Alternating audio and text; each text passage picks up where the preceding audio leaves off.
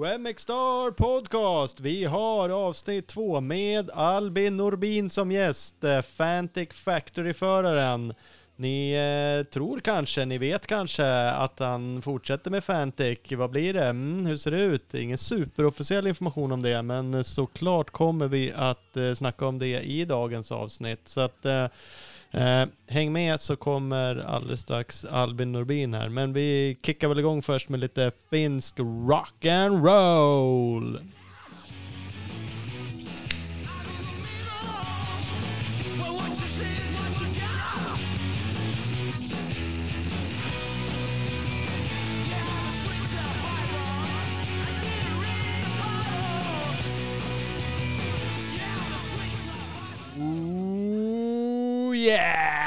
Där har vi Flaming Sideburns med Street Survivor.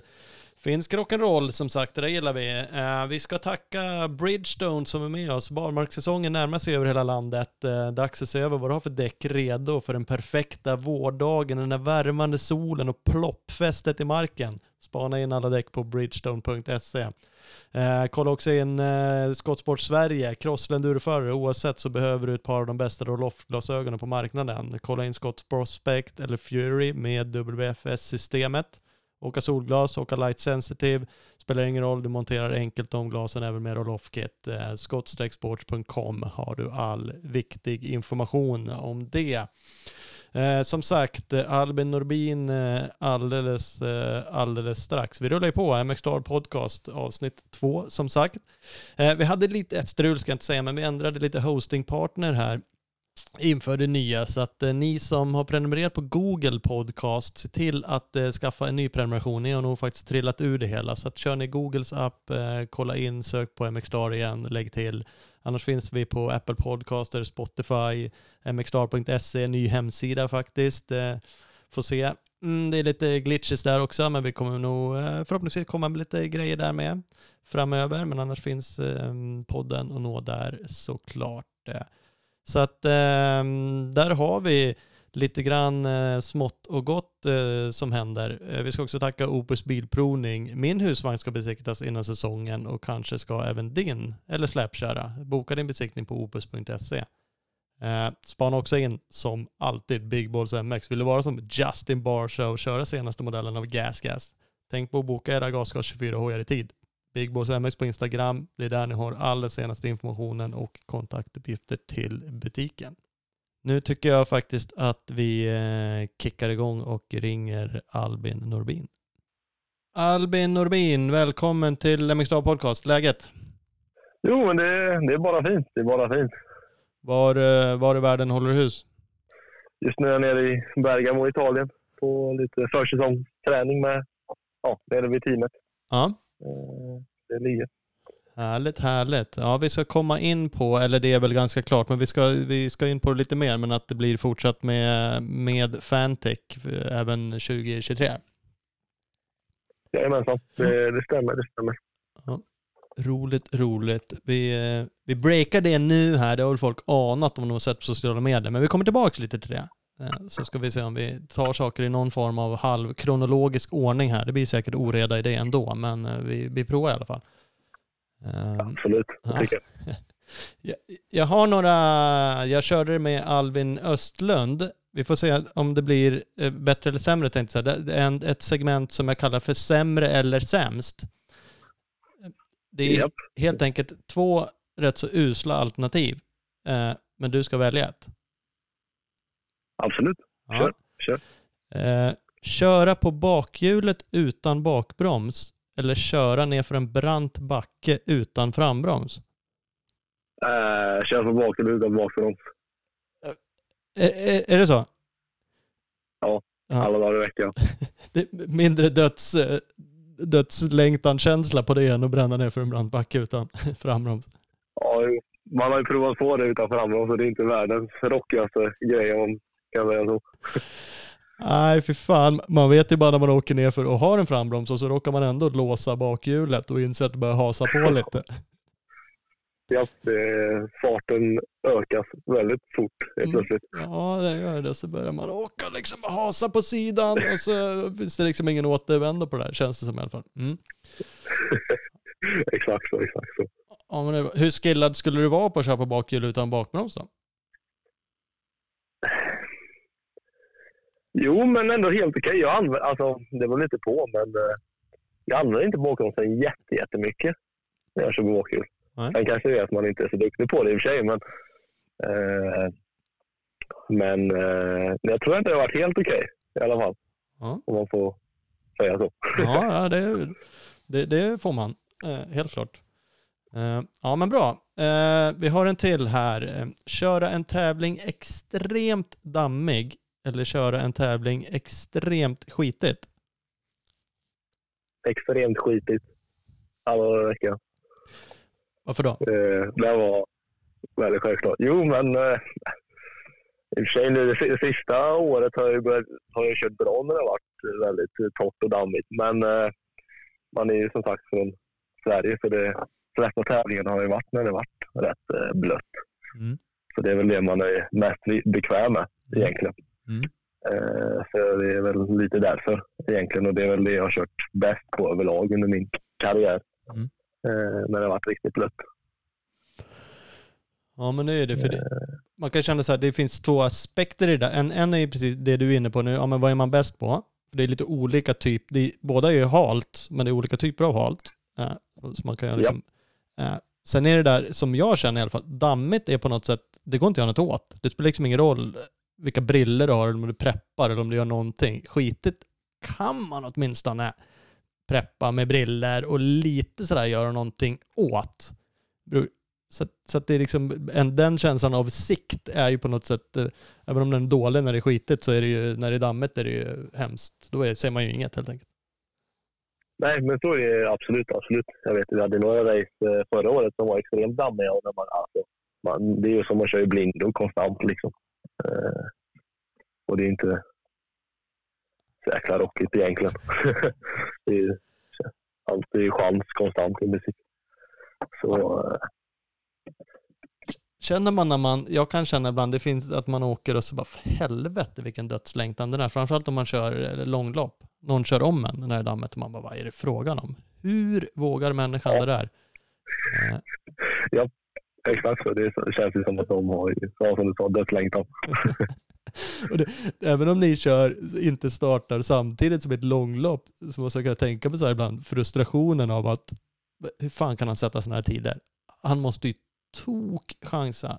För alla säger ju lika lite. Liksom. Ja, så är det verkligen.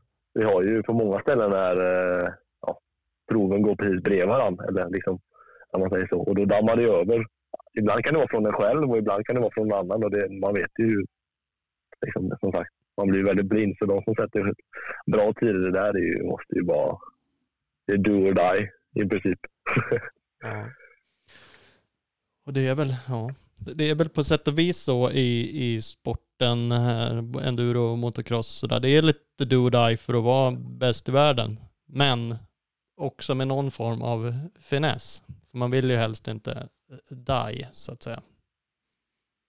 Nej, så är det absolut. absolut. Man eh, åker alltid med lite eh, marginal kanske, men det är ju rätt mycket man får chans också egentligen, om man tänker så. Mm. Så att eh, lyckas hänga med i, i farten. Ja. Mm, ja men bra. Jag har en sista. Den är sämst av dem, men den kommer ändå. Starta en sträcka Okej. riktigt hungrig. Eller starta en sträcka riktigt bajsnödig. Åh.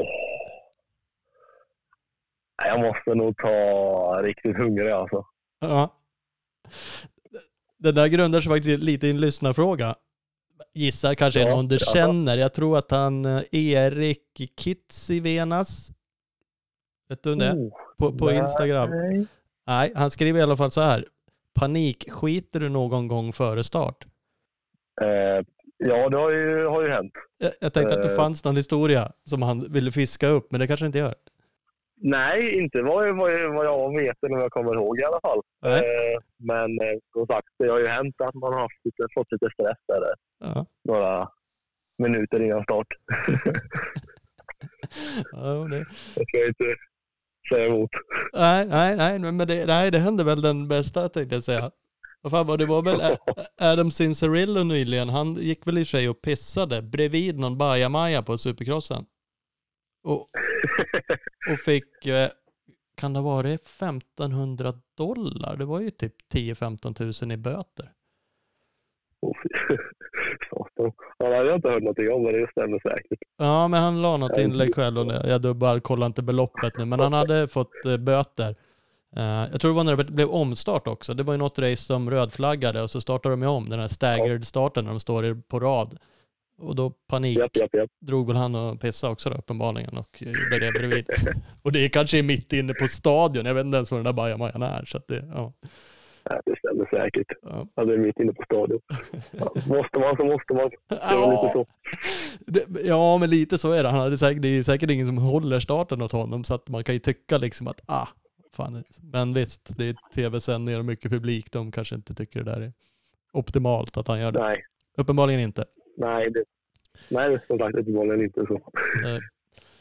Ja, ja, ja, ja.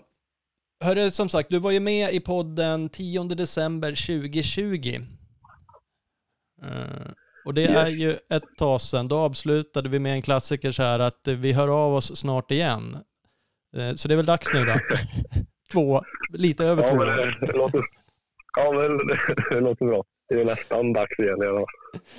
Att du tog ett VM-guld, det första på sen 2015 eller något sånt där, vad jag tyckte jag så. Det sket vi tydligen i.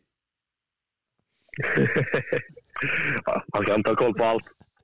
Det är lite konstigt, vad fasiken sket vi i det för? Det var ju taskigt.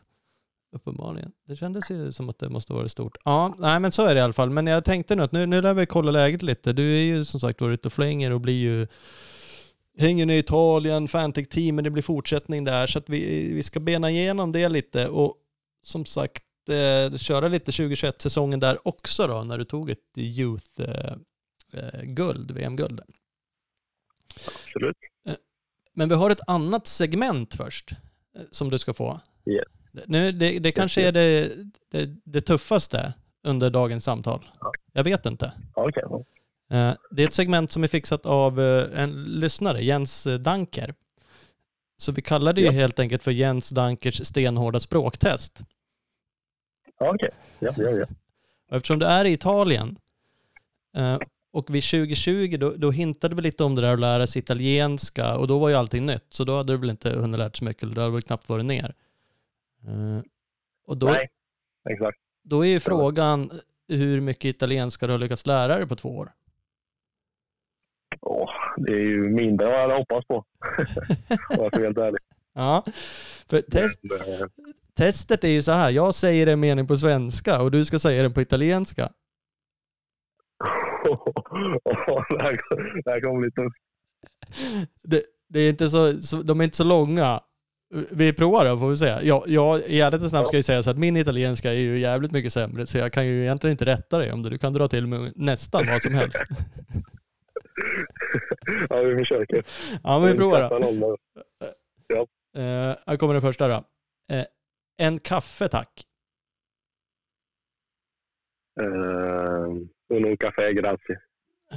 Ja, den, den tror jag du kommer undan med. Vårat facit är un café per favore.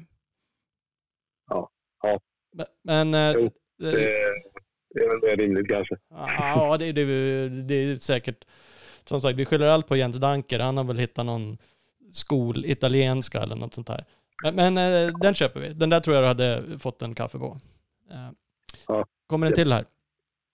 Jag är från Sverige. Åh. Uh, io sono Svezia, tror jag. Ja. Nej, inte riktigt. Men det är något sånt, tror jag. Jag missar något ord där. Min spanska är ju dålig, men den är bättre än, än italienskan. Det lät nästan närmare Ja. spanska. Det, det är facitet vi har här, för det, det Svezia var ju såklart, den var det ju, det, det är eh, eh, Vengo dalla Svezia. Ja, den hade jag aldrig kunnat. Nej. Men, ja, men det kanske kom, kom undan med det. Ja, men vi skiter i det. Som sagt, jag kan inte rätta dig, men vi, vi kör några till här, ska vi se. Eh, Ja. den- här kan ju vara bra då, då, eftersom du slaskar lite med italienskan. Jag pratar inte så bra italienska.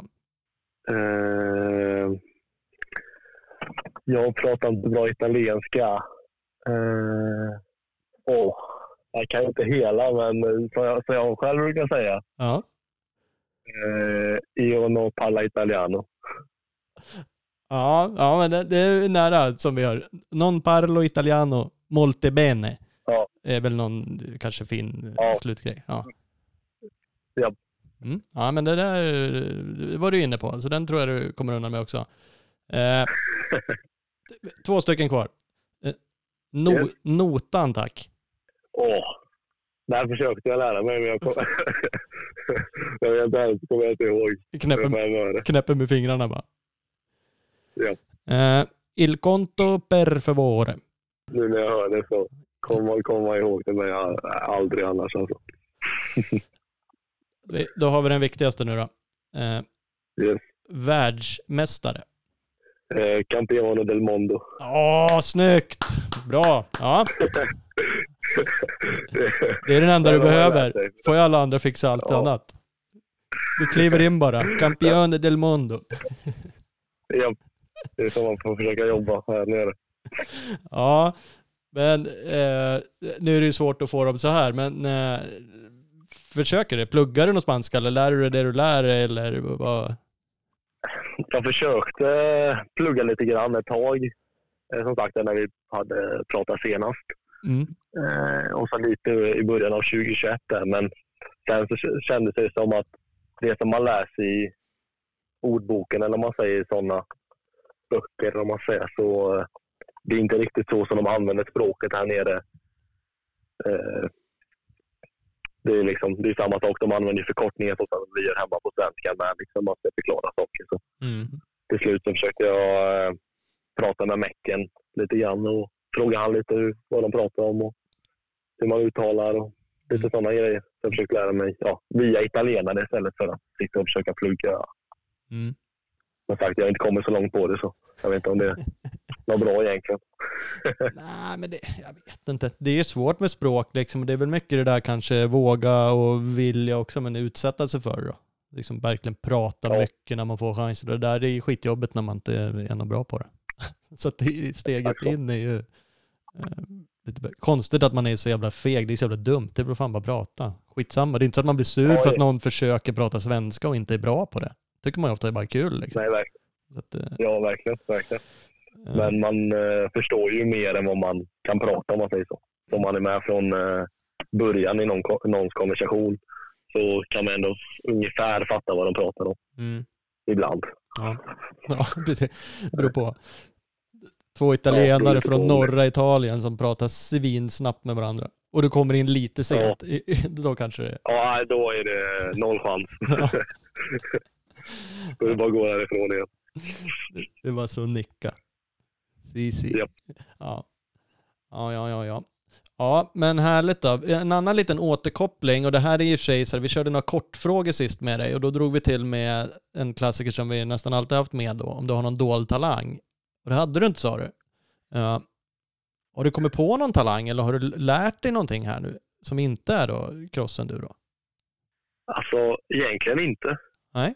Eh, inte vad jag kan komma på i alla fall, eller som jag tänker på att jag kan. Eh, men, eller ja, egentligen. Jag kanske ljög lite förra gången när jag sa att jag inte hade någon dold talang egentligen. Eh, nu när jag tänker efter. Men jag har lite, ja, inte så, håller inte på med det så mycket längre, men håller på med ja, volter och sådana här grejer höll jag på mycket med förr. Men det kan man inte kalla talang längre kanske, för jag har inte gjort det på några år. Alltså typ trampolinvolter och Ja. sådär? Ja. Ja, exakt. Ja, ja. Men det, det sitter Men, säkert till, viss del. Du är fortfarande inte så gammal som jag är, för jag tyckte jag var smidig när jag var ung. Tänker jag på ibland, så här vig liksom av bara naturen. Och är så jävla allt annat än vig nu. Men jag är ju svin, svingammal också. Och det är inte du, så du kanske fortfarande kan göra en volt om du verkligen skulle försöka. Ja, jo, men det hade nog lyckats om jag hade försökt. Men jag, ja, det hade nog inte sett så bra ut kanske som det gjorde förut. För några år sedan. Men, eh, Men bara hobbynivå, Ja, det- så här parkourduktig eller gick du liksom på gymnastik? nej, nej, man lärde sig själv lite grann. Köpte något utmattare där och sen på trampolin och försökte lära sig själv lite grann. Mm. Eh, var det väl. Eh, hade några, ja, några polare som höll på med samma sak. Och, ja, man sparade ju varandra. En annan då, li- liknande fråga tänkte jag säga.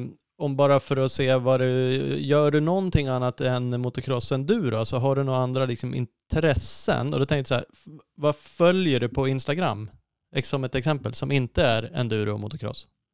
Eh, det är ju, ja, Formel 1 är jag väl ganska, eller intresserad kan jag inte säga. att Jag, jag sitter inte och kollar alla race och där, men det är ändå kul att kolla lite highlights och Mm.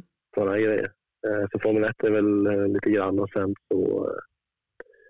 ja, jag har börjat komma in lite på golf. Asså? eh, har jag gjort. Inte för att jag, jag har aldrig golfat hela mitt liv, men jag tycker det verkar intressant. Jag skulle vilja försöka börja spela lite i, i sommar om jag får möjlighet. Eh, Du, du börjar med att följa de Ja. bästa golfarna och tänker att det här, hur svårt kan det vara? Ja, men eh, ja, det var lite så. Nej, men jag har fått något intresse för det där. Eh, Jag vet inte riktigt varför. Men eh, ja, det är väl det egentligen som, Ja. jag, som jag följer. Mm. Eller så. Mm. Ja, men det, det är eh, good enough. När vi ändå är inne på det, för att uh, beta igenom också sociala medier och lite återkoppling till 2020, så pratade vi om Snapchat och Snapchat-poäng. Jag och Ola visste inte ens vad det var. Vi konstaterade att det var i alla fall fick poäng varje gång man skickade en snap och varje gång man tog emot den. Och då hade du Jajamän. 1,7 miljoner poäng tror jag. 2020. Det kan hur, hur ser det ut nu? Ligger du i fortfarande? Eh, jag ligger på eh, 2,3 nu tror jag. Ja, ja du, kämpar på. Ja. Det är den plattformen, eller den sociala medier som jag använder mest, skulle jag nog påstå. Ja, du ser. Fick, Eh, du fick ju två poäng av mig idag för jag rev iväg två stycken snaps till dig. Jajamän, Ja, det uppskattas. ja, ja, ja, det är snyggt, det är snyggt. Du hade någon form av snap-streak också, jag vet inte om det heter det, men, men när man har skickat liksom varje dag till någon, det hade du med Ljungström eh, på 563 Ja. dagar. Har ni hållit i den? Nej, vi har inte det. Eh, Men just nu den högsta statistiken jag har det med Max Wallin, nu skulle jag säga. Jaha. Eh, Ligger på eh, 1100 någonting tror jag. Åh helvete. Fy Och fan. den har brutits en gång. Ja. Så vi Helvete. hade varit eh, på när- närmare 2000 skulle jag nog säga. Om eh, den inte hade brutits.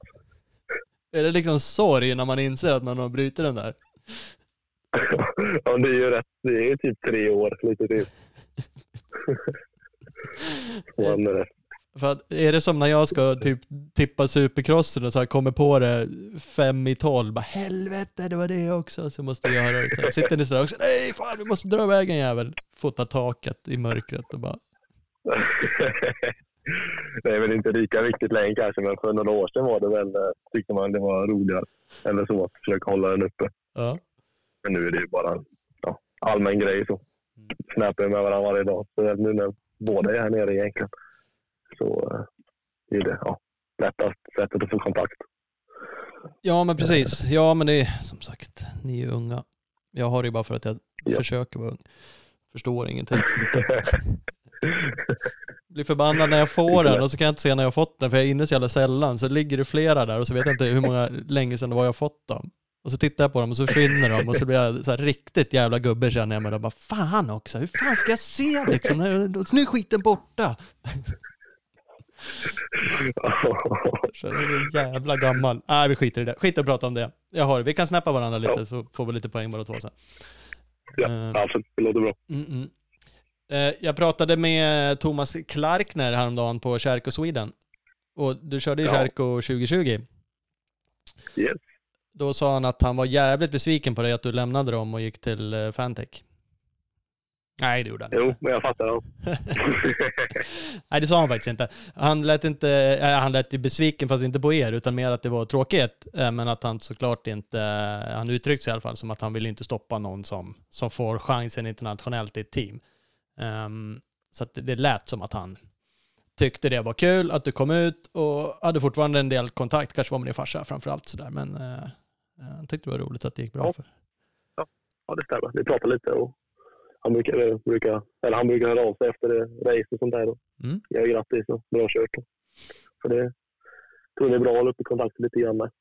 Ifall man vet ju aldrig vad som händer framöver om några år. Nej, finns det ju något att falla tillbaka till. Garanterat. verkligen. Det finns ju mycket anledningar att inte bränna broar i onödan. Verkligen. Eh, för det vart ju som sagt var 2020 och när vi pratade med dig sist, 10 december 2020, då hade du kört Kärko, men sen vart det ju uh, Fantic eh, 2021 i Fantic Darpa Racing. Uh, Ja. 125 tvåtakt uh, Youth-klassen. Det var där vi lämnade dig någonstans. Det var på gång liksom in i, i den säsongen. Som sen slutade med, det har vi pratat om, världsmästartitel. 10 segrar, två andra platser tror jag över hela säsongen. Eh, Uh, ja. så det, det har, nu är det några år sedan, du kanske till och med förträngt allting där. Men, men hur, hur kan man bara göra en, någon form av recap på det året? Uppenbarligen rätt så lyckat och rätt så nice att bli världsmästare, gissar jag. Ja, jo men verkligen. Eh, verkligen var det det. Och det hade jag faktiskt inte förväntat mig när jag gick in i ja, VM-säsongen heller när den startade. Eh, målet var egentligen att vara topp tre totalt efter slutet på säsongen. Men eh, lika gärna ta det från början egentligen att eh, vet du, med de första italienska och mästerskapen med det som gick här nere så var det ingen, var det ingen höjdarfart eller höjdarresultat jag fick ihop eh, kan man inte säga. Och det var, ja, vad ska man säga, tufft eh, som sagt flytta hemifrån. Eller ja, det har man ju redan gjort en gång i och för sig, men eh, flytta ner hit och ja, lära sig ta hand om sig själv i ett land som man aldrig varit i förut. men eh, nej, men när GP-säsongen väl började så lyckades jag ju vinna prologen första dagen på i Portugal. Eh, och sen så var det väl bara uppförsbacke efter det egentligen. Det har bara gått uppför. Eh, så eh, ja, vad ska jag säga? Jag eh, blev tvåa första dagen i Portugal och så vann jag andra dagen. Och då visade det sig att jag hade farten att hänga med i alla fall. Mm. Eh, och då vart det en motivationsboost också. Eh, och så vart det ju ja, liknande resultat eh, i Italien helgen efter. Två första dagen och vann andra dagen. Eh, och man lärde sig av sina misstag och det var egentligen vurporna som både i Portugal och Italien som satte stopp för att jag skulle vinna första dagen också egentligen. Så det var ju bara på en egna, ska man säga, ja, ett egna fel. Att man eh, inte lyckades hålla ihop det. Men och efter det så vann jag ju varje dag. Eh, och eh, ja, kunde ta, plocka ihop ett, eller ta hem ett VM-guld en helg för tidigt egentligen i den sista deltävlingen i Portugal. Ja. Och eh, Frankrike sen sista var ju bara att åka runt och njuta och ska så skoj man bara kunde Ja. utan att köra av någon press egentligen. Men eh, lyckades ju vinna de två dagarna där med. Eh, så kunde jag avsluta säsongen på topp, om man säger så. Ja. ja, men det får man ju verkligen lov att säga. Eller ja, det går inte att bli mer på topp i den klassen du körde. Det går ju snudd på inte att göra så mycket bättre då.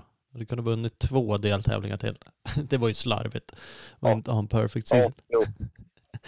jag håller med. Där. Eh, ja, men hur, hur var... eh, hur- var känslan där då? Alltså hur känslan i, i teamet? Var de lyriska eller är det en kul grej? Är det roligare med familjen eller vad är liksom... Vad är känslan att vinna? För vem är det roligast?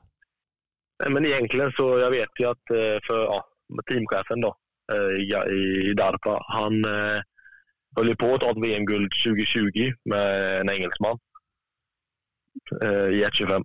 Mm. Men eh, ja, missade ju det på grund av te- lite tekniska problem på sista racen. Mm. Så han var ju verkligen sugen på att kunna få ta, få ta ett VM-guld till slut. Då. Mm. Och, eh, han har, han har ju, ja, vi har haft mycket kontakt under hela 2021 egentligen och han har ju ja, varit, eh, hjälpt mig med mycket. Eh, så han var ju otroligt nöjd, eller stolt eller vad man ska säga. Eh, över att det lyckades och att han kunde få fram en världsmästare också eh, under sin, sina armar. Liksom. Mm. Så egentligen är det väl ja, både familjen och teamet egentligen. Vi var ju som en stor familj allihop. Mm. Så det var, de glädjes väldigt, väldigt mycket skulle jag säga. Mm. Tyckte det var otro, otroligt kul. Så det var verkligen kul när man kom i mål eh, den dagen. Ja, och det är ju roligt om man hittar den känslan. Alltså familj är ju alltid familj. De vet man ju kommer vara glada eh, och man är glada med dem. Men ett team är ju något annat och hitta den känslan där man faktiskt ja, men känner att de bryr sig om dig och du eh, bryr dig om att göra ett resultat. Så det, det är ändå kul att det fanns också när ni gör så mycket ihop och ja, alla troligen offrar ganska mycket för det. Så att, eh, det en skön känsla. Verkligen, verkligen. Hade jag inte haft min eh, mekaniker som hade det ja, det året så hade jag nog aldrig lyckats ta ett guld, tror jag inte. Han har hjälpt, hjälpt mig brutalt mycket under alla race egentligen, med allt. Så tackar han för.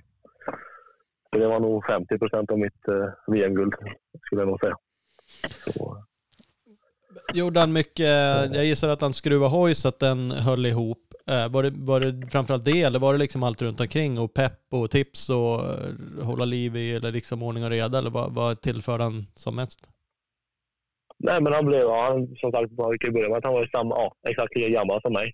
Eh, så han var ju, ja. Så vi blev ju sjukt bra polare under den tiden.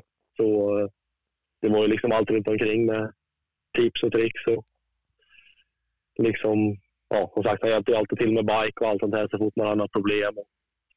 Eh, peppade alltid en under race och var glad, eller var glad för en medgångar och allt sånt där. Så han, ja, mycket, ja, vad ska man säga, mentalt stöd eh, under race och sånt där. Så han, han ska ha stor ja, del, eller han var en stor del av detta, ja, av 2021 helt enkelt.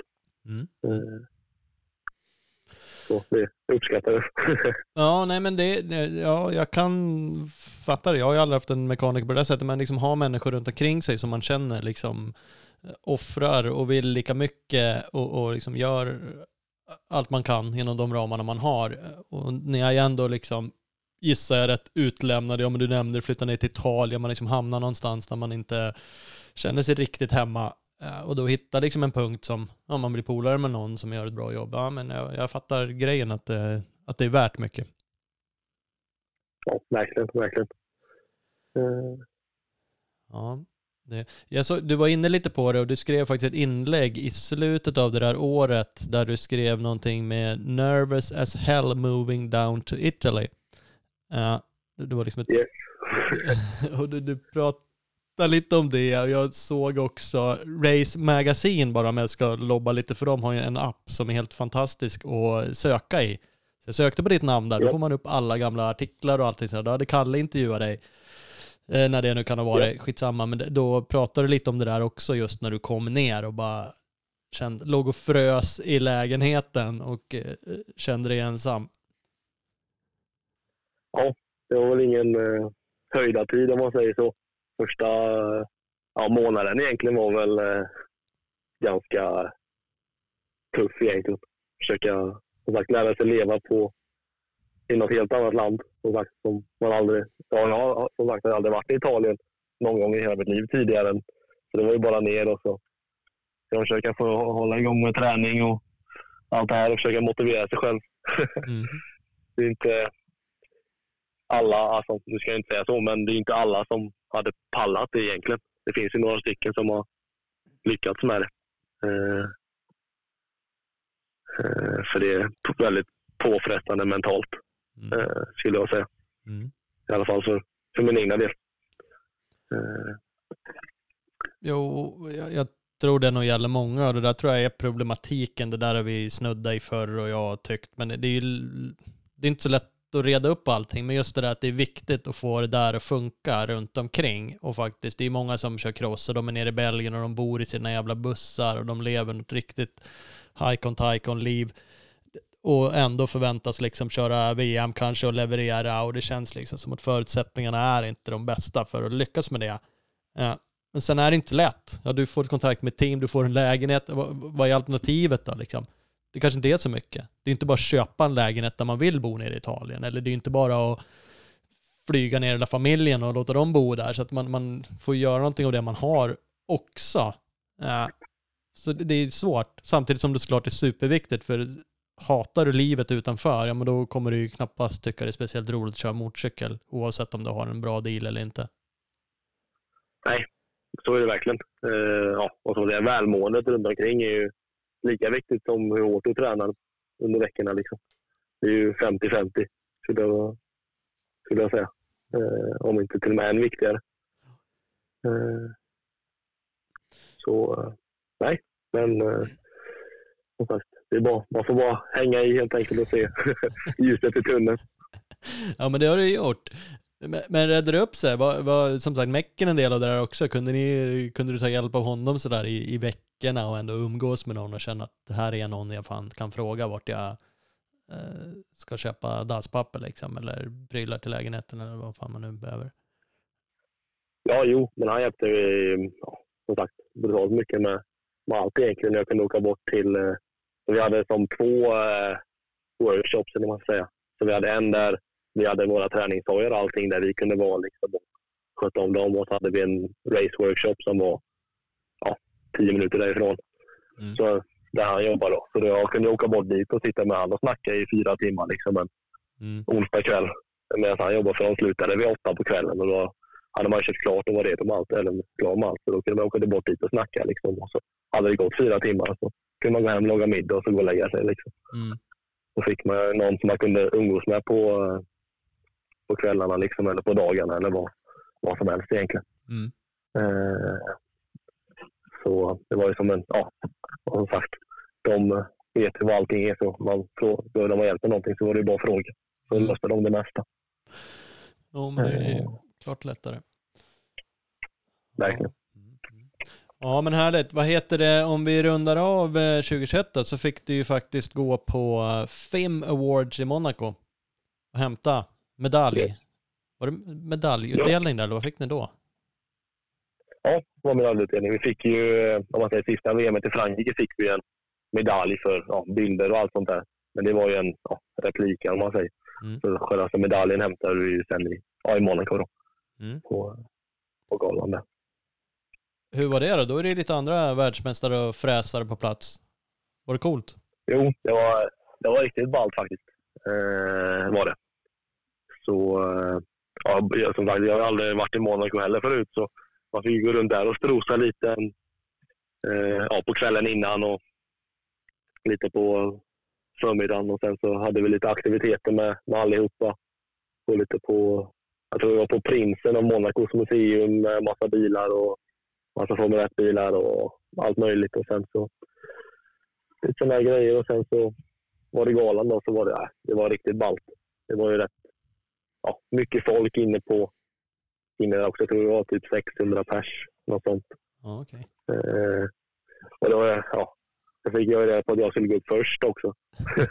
på hela, ja, scenen. Så det var, man var inte mindre nervig på grund av, på grund av det. Fick alla gå upp eh. liksom och ta emot sitt på scenen inför alla där? Ja. ja. Fick du så, säga något också? Jag gick upp först. Nej. Nej jag behövde inte säga någonting som, tur var. Hålla tal. Sen var det typ, ja, sen var det typ, ja, typ Freeman och Garcia och Holcomb och där fick upp och snacka lite tror jag. Ja. Och, men annars, och annars var det väl inget så. Det var de här riktiga ja, storfräsarna som fick snacka lite. Ja. Uh, nej, så det var en riktigt ball upplevelse verkligen. Uh, hoppas att kunna komma på sån gala igen. ja, precis. Då gör du det igen. Då är du ju där. Då får du kanske snacka då. På gott och ont. Det är ju coolt att bli den som får göra det, men det kan ju vara lite jobbigt också. Ja, ja verkligen. Då kanske man är lite mer bekväm i kläderna och vara med. Ja, jo, men så är det ju. Både, dels får du vara där igen och ålder och faktiskt gjort det för och känner att du, jag tar ett till VM-guld, då har du ju verkligen visat att det här är ju där du hör hemma. Så att, eh. Verkligen. Ja, men det får vi väl hoppas. Ja, absolut, tycker jag. Mm, mm. Jag måste gå tillbaka till en grej 2021 förresten. Vi, ni körde ju en deltävling i, i Skövde i Sverige. Eller det var två deltävlingar, var det så det var? Var det, körde ni två dagar? Ja, det är två dagar. Jajamän. Ja. H- Hur var det då? Ja, det måste ju varit skapligt mäktigt. Ja, det var riktigt ballt. Jag skulle nog säga att det var nog det bästa publiken vi hade på eh, något av ja, GP'na det året. Mm. eh, skulle jag säga.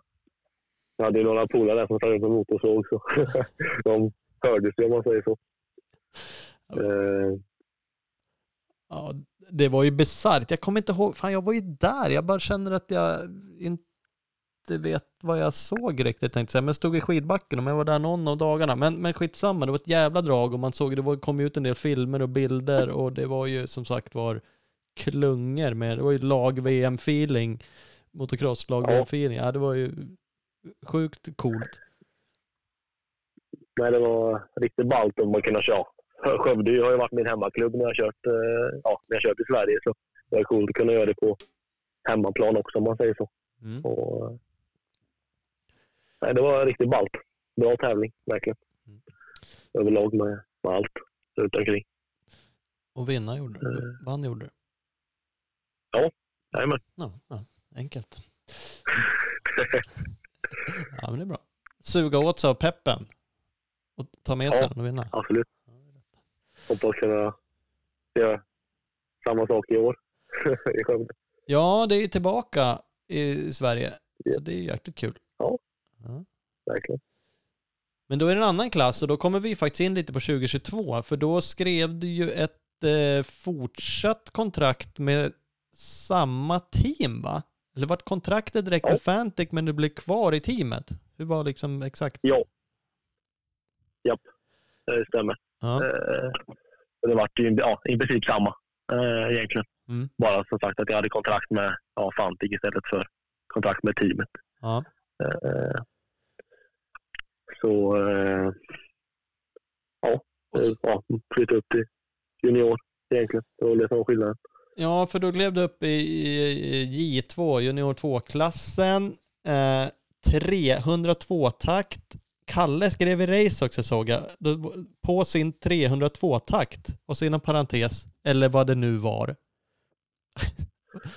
vad menar han med det? Ja, det var ju mycket diskussioner om det där, vad det, om det egentligen var 300 eller inte. Ja. Men eh, jag kan väl inte säga allt, men den, den var ju specialbyggd. Eh, var det ju. Eh, det fanns ju liksom två av den. Och det var ju de jag åkte på. Sen om det var eh, 300 eller om det var lite lägre, det kan jag låta vara osagt. Men eh, det var ju, så jag kunde köra J2 i alla fall. Ja, ja. Den, var, den var godkänd i alla fall. Så att, Japp. Mm. Det var det. För det där är ju jävligt oklart. Eh, Det, fanns alltså ingen 300. Fantech har ingen. Eller hade ingen. De har fortfarande ingen va, som går att köpa. Nej, det är på väg eh, ut är det väl.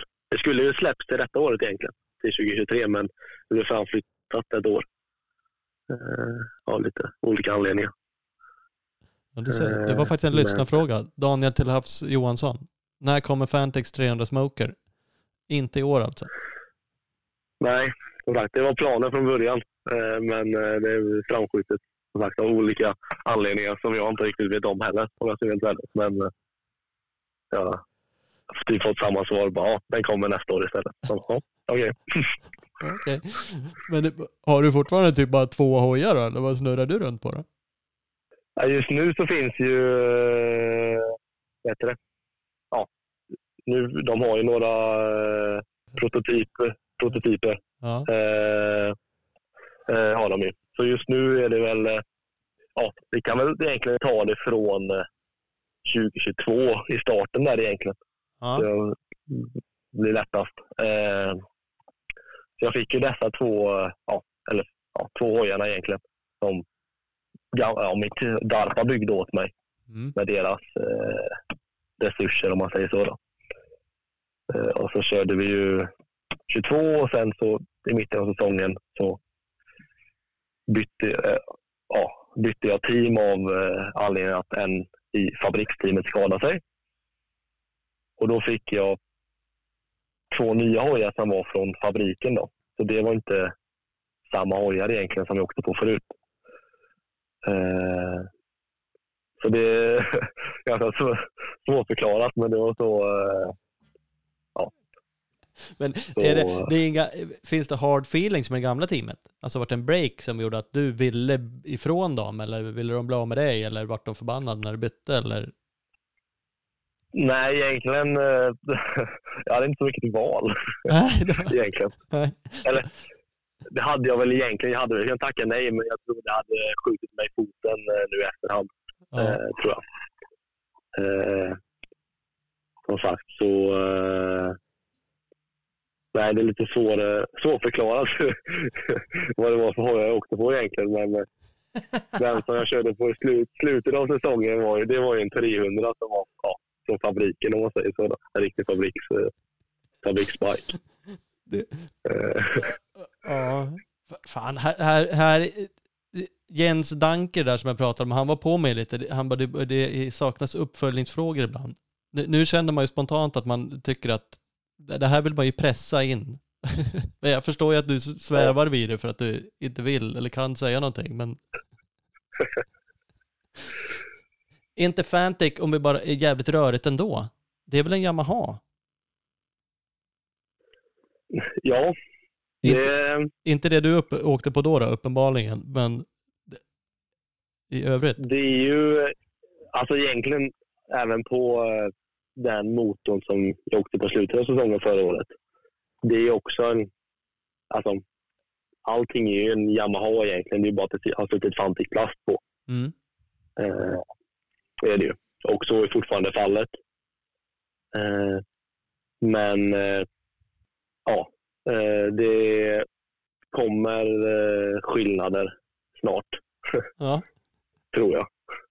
Men eh, än så länge så har det varit eh, både 2021 och förra året då, så var det ju, har det ju varit Yamaha-chassin med egentligen en Yamaha-motor med lite modifikationer på från Fantic då, Mm. innan de släpper hojarna. Och sen, eh, ja, så egentligen är det en ja, sagt, Yamaha med Fantic-plast och en annan tank på och en annan CDI-box. Det är det som skiljer sig åt från en Yamaha egentligen. Och så delsystem eftersom de säljs som riktiga endurohojar. Mm. Precis. Men, men jag utgår ifrån att det är ett riktigt samarbete med Yamaha, eller? Alltså det finns något? Är det något ägarförhållande som är lika, eller köper de bara in bikarna och smäller på egna saker? Eh, ja, ska jag vara helt ärlig så har jag ganska dålig koll på det. Men jag vet ju att Fantic köpte ju upp Minarelli som bygger motorer och allt det här. Och jag, vad jag har för mig, det här kanske inte stämmer alls, nu kanske jag säger något helt fel, men vad jag har för mig så är det väl Minarelli som bygger Yamahas motorer, tror jag. Mm. Eh, men jag, kan, jag kanske har helt fel. Det är bara något som jag har hört eller fått för mig. Eh, jag tror det är på grund av det som det är något ja, samarbete däremellan på något Mm. sätt. Mm. För, för det, Men som sagt, jag är inte helt säker. Men eh, det är vad jag har för mig. För, vadå, så rörigt eller rörigt, man kan ju tycka, fan det låter ju helt sjukt och varför skulle Yamaha vilja sälja HD Fantech som är samma sak och varför vill, eller vad har Fantech för vinning av att bygga de där hojarna? Det känns inte som att det borde finnas någon marginal att sälja en cykel där man har köpt grejerna från en, en annan tillverkare. Samtidigt så har vi liksom österrikarna som släpper tre olika hojmärken med samma eh, och bilar gör sig på samma sätt. Så att egentligen är det ju inte så jäkla konstigt. Men man blir lite allmänt förvirrad kring Fantic. Och så är det värsta raceteamen gör svinbra ifrån sig liksom. Och, och går knappt Ja. att köpa känns det som. Eller du tävlar på en hoj som inte ens finns. Man blir bara så vad fan, vad finns pengarna i det här? Eller vad är, vad Ja, jag, är, vet, jag, jag har ställt samma frågor. Ja. Eller till mig själv rättare sagt. Jag undrar också bara, hur, hur fungerar allting? Liksom, vad, var kommer allt ifrån? ja. Nej, Kanske, men de har ju, någonting har de ju lyckats med. ja. Det har man ju sett. Mm. Har, har du varit, finns det liksom en Fantic-fabrik? Har du varit där? Jag tror de har två stycken. Ja. Men jag har faktiskt aldrig varit där Ja. än. Nej, nej. Eh, har jag inte. Jag ska dit någon gång. Eh, har jag fått lovat. Men eh, när det blir av det är en bra fråga. Ja, ja, ja. Det är en vacker dag. När det finns några riktiga hojar att Ja. titta på kanske. Då får Ja, du, ja, ja. men, Japp. men, men eh, ehm, tillbaks lite, som sagt, du bytte team. Ja, vi kan ju backa lite ändå, för du började ju säsongen då på den där eh, kanske 300 i J2-klassen. Och det gick väl i ärlighetsnamn inte svinbra va, i början av 22? Nej, det gjorde det inte. Eh, hade väl inte superhöga förhoppningar inför 2022 egentligen. Jag tänkte att det blir ju ett nytt år, ny klass och jag vet att det är tuffare. Och absolut, jag åkte fort i jag åkte 1.25 men det är fortfarande lite olika grejer. Alla är lite mognare och det sker mindre misstag bland förarna i toppen. Liksom. Så det är svårare att ja, ta, ta igen tid om man har misslyckats med någonting. Liksom. Mm. Eh, men eh, som vi säger, alltså första dagen i Spanien, då, efter första varvet, eller om det var efter första två proven, då låg jag, då låg jag faktiskt tvåa i junior och tvåa i, i junior två. Eh, vilket var, var, jag bara oj, vad, vad hände nu? Eh, men sen så gick det ut för eh, efter det. Så jag tror jag slutade åtta första dagen och om det var fyra eller femma i klassen. Junior två då. Ja. Alltså åtta totalt i junior. Och sen så dag två så tror jag att jag var nia i junior och fyra i klassen. Mm. Eh, tror jag. Så tänkte jag bara, ja men det är där jag ligger då helt enkelt. Eh, och sen så eh, vart det Portugal helgen efter. Och då gick det ännu mer utför. Då vart jag väl 15 junior tror jag första dagen. Eh, och åtta eller något i junior två, vilket var... Då, jag, jag skämdes. Jag tänkte nu, nu skiter jag i det här. Jag lägger, jag lägger av. Ja. Eh, så det var ju riktigt besvikelse egentligen. Och sen så dag två vart väl lite bättre.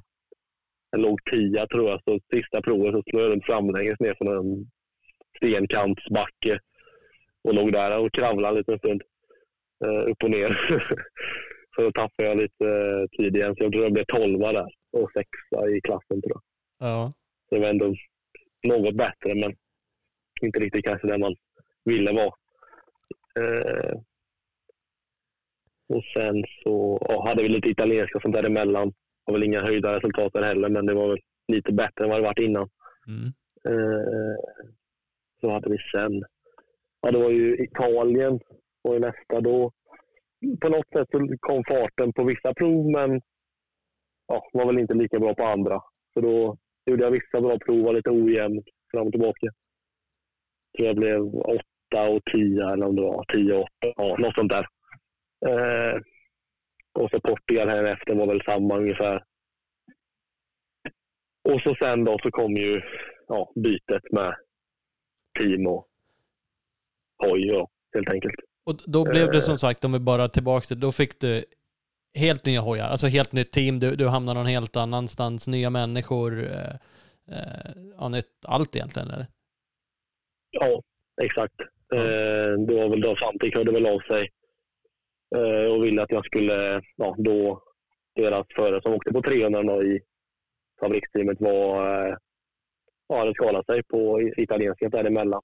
Mm. Eh, Portugal och Italien. Eh, så ville de ha någon som rullade på 300 eftersom det var, ja, den var tanken på att den skulle släppas till i år då. Mm. Så att de ville ha någon som ja, kunde hjälpa till att utveckla den. Eh, och så var jag den enda som körde Fantic då som var på en tvåtaktare, eller större tvåtaktare. Eh, så då blev det att jag åkte ner och testade eh, hojen lite grann eh, innan. Bara för att liksom känna och få koll på allt. Liksom. Och så, ja, tacka ja eller nej. Eh, men eh, som sagt, så ja, jag tackade ja och sen så var det ju till Slovakien helgen efter. Mm. Eh, med nytt, ja, som sagt, nytt team, nytt folk. Hade väl kanske en 30 minuter totalt på hojen. Innan. Eh, och jag kan, jag kan säga så här att det finns, det är mycket pulver i den här hojen jag åker på nu. Eh, så det var lite ovant, om man säger så, på första i början. Vad stor Eh. skillnad från den du hade haft tidigare. ja, jag tyckte att det var mycket pulver i den som jag åkte på tidigare, men sen så satte jag mig på den. Körde jag på den och då insåg jag att eh, det andra var ju som en 125 i princip. ja. ja. Eh, så ja, Slovakien då, då eh, ja, den, ja, hojen körde sönder mig helt enkelt. Jag eh, pallade inte med. Eh, ja, jag, jag hängde inte med hojen. Hojen körde mig istället för att jag körde hojen. Då, så jag, eh, jag körde slut mig själv. Jag ja, totaldog, totaldog på mitten av dagarna för att jag ja, orkade inte hålla emot. Eh, för det var ingen höjda helg där heller kanske. Det var väl inte riktigt de resultaten som ja, det nya teamet då ville att jag skulle prestera eller visa. Men eh, som sagt, med förberedelsen och allt jag hade och lite stress där med att byta team och allt möjligt och nya, nytt folk runt omkring så, så var det väl ändå en helt okej helg om man jämför med tidigare. Att jag var i ungefär samma placeringar som jag var tidigare. Ja. Och sen så ja, däremellan så mellan Slovakien och Ungern helgen efter så släppte jag någonting. Så då lyckades jag ju köra så pass bra i Ungern så jag körde till och med ja, vann junior 2 då, båda dagarna. Och trea totalt i junior båda dagarna. Så däremellan släppte någonting. Eh, och jag vet inte varför och jag vet inte hur. Men eh, på, på, på något sätt så ja, kunde jag slappna av på något sätt. Och det var, ja, det var det lättaste racet vi hade under 20, ja, under förra året. Ja. Eh, Så det var kanske det att jag kunde fokusera mer på att köra hoj än att försöka överleva. Att det var Eh. lättaste liksom banan och sådär, racet på så sätt eller? ja, Ja. ja, lättast transport. Vi hade alltså ett varv var typ en timme och 15 minuter med tre prov och transport. Mm. Eh, Så det var väldigt ja, kort varv om man säger så. Då. Mm. Och väldigt lätta transporter, mycket grusväg och ingenting som var speciellt svårt. Och Ja. lätt race helt enkelt och lätta prov och blev knappt sönderkört. Och, ja, körde ungefär samma tider hela båda dagarna liksom, under alla varv. Ja. Eh, som sagt, så då lyckades jag ju ja, slappna av och köra bra helt enkelt. Så då blev jag ju trea junior då och vann klassen båda dagarna. Så då släpptes någonting och motivationen höjdes väl lite grann kanske. Mm. Eh, och sen hade vi ju, ja, sen kom ju Six Days efter det då. Och det behöver man inte kanske prata så mycket om. kom ju inte så långt. Fan, ska vi ta det här emellan? Det blir ju en kort historia kanske då. Då kom du Ja, jättekort. det kan man köra Ja, ett sex days kortare än sådär? Eh, ja, det går. Om man lyckas köra sönder på transporten ut. Ja, det måste ju fan vara världsrekord om man gör det. Det måste ju vara nästan vara rekord du slog. För du bröt alltså på första testet första dagen. På i, ut ur femte kurvan. Fy fan så jävla deppigt. Ja, ja, ja alltså det var det var det sjukaste jag med i mitt liv. Jag, I kurvan innan så lyckades jag vurpa eh, också. Så jag har hunnit vurpa på Days med. Det är ännu roligare. Du har hunnit vurpa en gång och bryta och kört fem kurvor. Ja, Ja, skapligt ändå. ja. Så jag tänkte att så det bara började gå tungt helt plötsligt. Så vad fan, vad, vad är det som händer nu? Och sen så bara, ja, det bara stanna. Eh, jag hann liksom inte ens knappt komma in i racet liksom. Jag var inte arg, jag var inte besviken. Jag bara, jag har inte menat att jag skulle köra det här året helt enkelt. Nej, äh, i och för sig kan jag kanske tänka mig att sådär tidigt så måste det bara bli, det är ju kanske värre att bryta dag fyra och det har gått bra och allting och liksom det, nu är det bara, ja på något sätt, vad fan. Men Ja. vad, vad hände då? Hojen, vad, vad var det som Ja. var fel? Ja, tekniska problem, jag kan inte säga så mycket mer. Eh, och om jag ska vara helt ärlig så har jag inte heller fått någon information om vad som hände. Är det så? Så jag kan, ja, de har uh, varit rätt tysta om det. Så eh, sagt, jag vet inte, jag kan inte säga så mycket mer än vad, än vad jag har sagt. Men eh, som sagt, tekniska problem och Inte ditt fel det, på något sätt? inte, nej, det tror jag inte i alla fall. Nej. Eh, Körde på Eh, ettan jag full gas hela transporten ut. ja, nästan. Man kunde nästan trott det, men det, det gjorde jag faktiskt inte. Nej. Ja. Nej, men det var, ja, som sagt, det, var, det hände och jag kunde inte göra så mycket åt saken. Nej. Tyvärr. Mm. Så fick ju passa på att hjälpa mina andra ja, säga, kollegor Ja. eller mina andra lagkamrater som hjälper dem med lite spårval och sånt där under veckans gång. Så. Fick lite semester helt enkelt. Ja, jo men lite så. Eh, förutom att man gick typ 14 mil i onödan.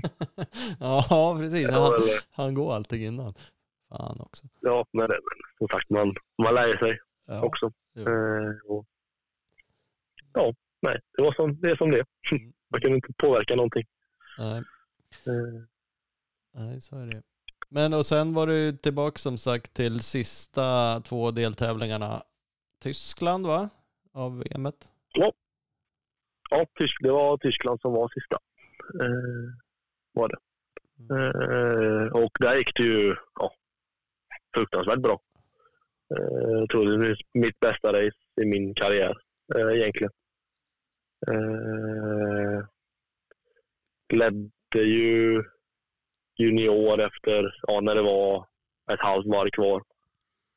Men eh, missade lite så jag ja, blev tvåa med alla två sekunder upp till Pichon tror jag. Ja. Så det var lite surt, men eh, som sagt, bra race ändå. Jag var typ en 20 sekunder efter de som ledde efter första varvet. Så och lyckades ta ikapp det är ändå helt okej. Eh, och sen dag två så var det ju ungefär eh, repris. Var lite mer bättre från början kanske, men eh, ja. hade väl inte riktigt samma fart som jag hade den första dagen, men jag blev trea i junior och så vann jag klassen då. Eh, men så hade jag 10, 10 sekunder upp till, ja, till första plats. Så det var väldigt, två väldigt bra sista dagar för säsongen. Mm. Eh, jag kunde avsluta på topp ytterligare ett år.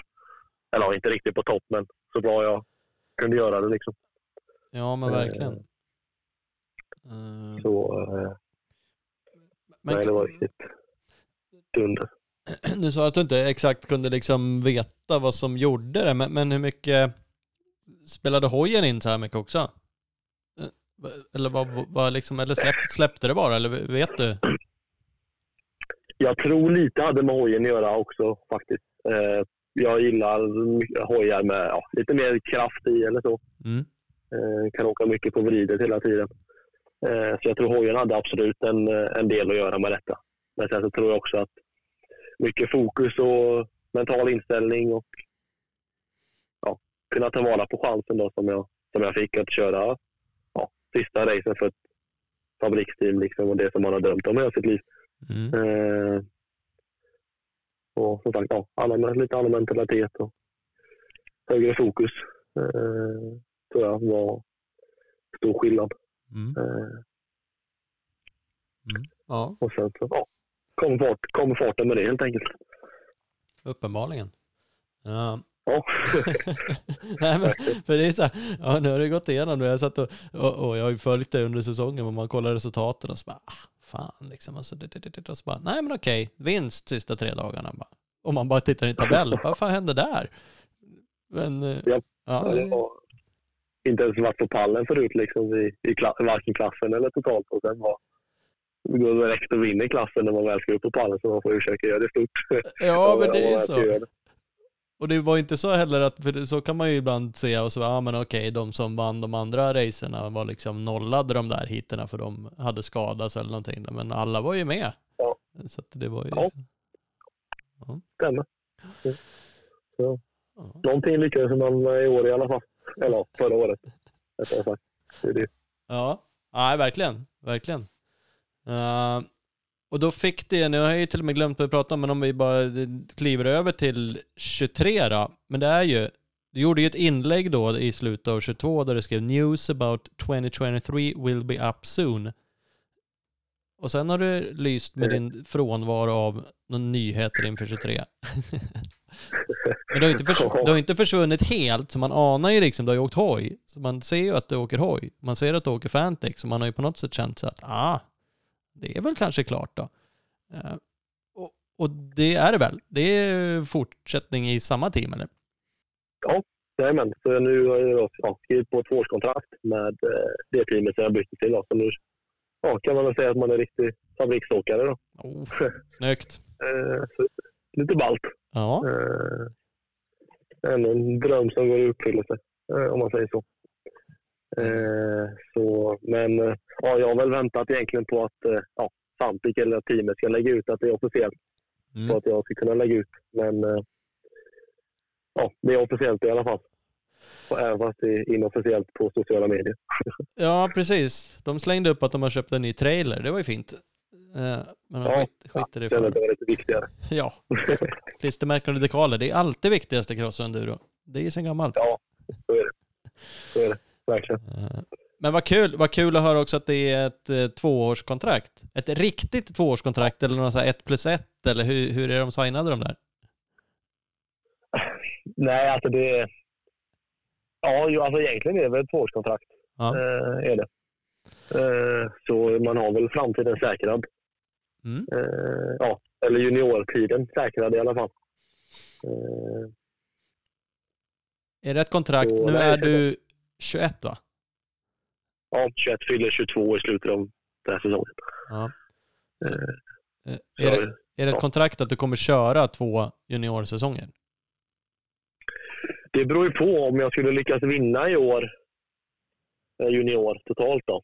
Så då får jag inte åka junior nästa år. Ah, Då okej. måste jag gå upp till, eh, till ja, E3 eller ja, vad jag nu väljer att åka till hoj. Mm.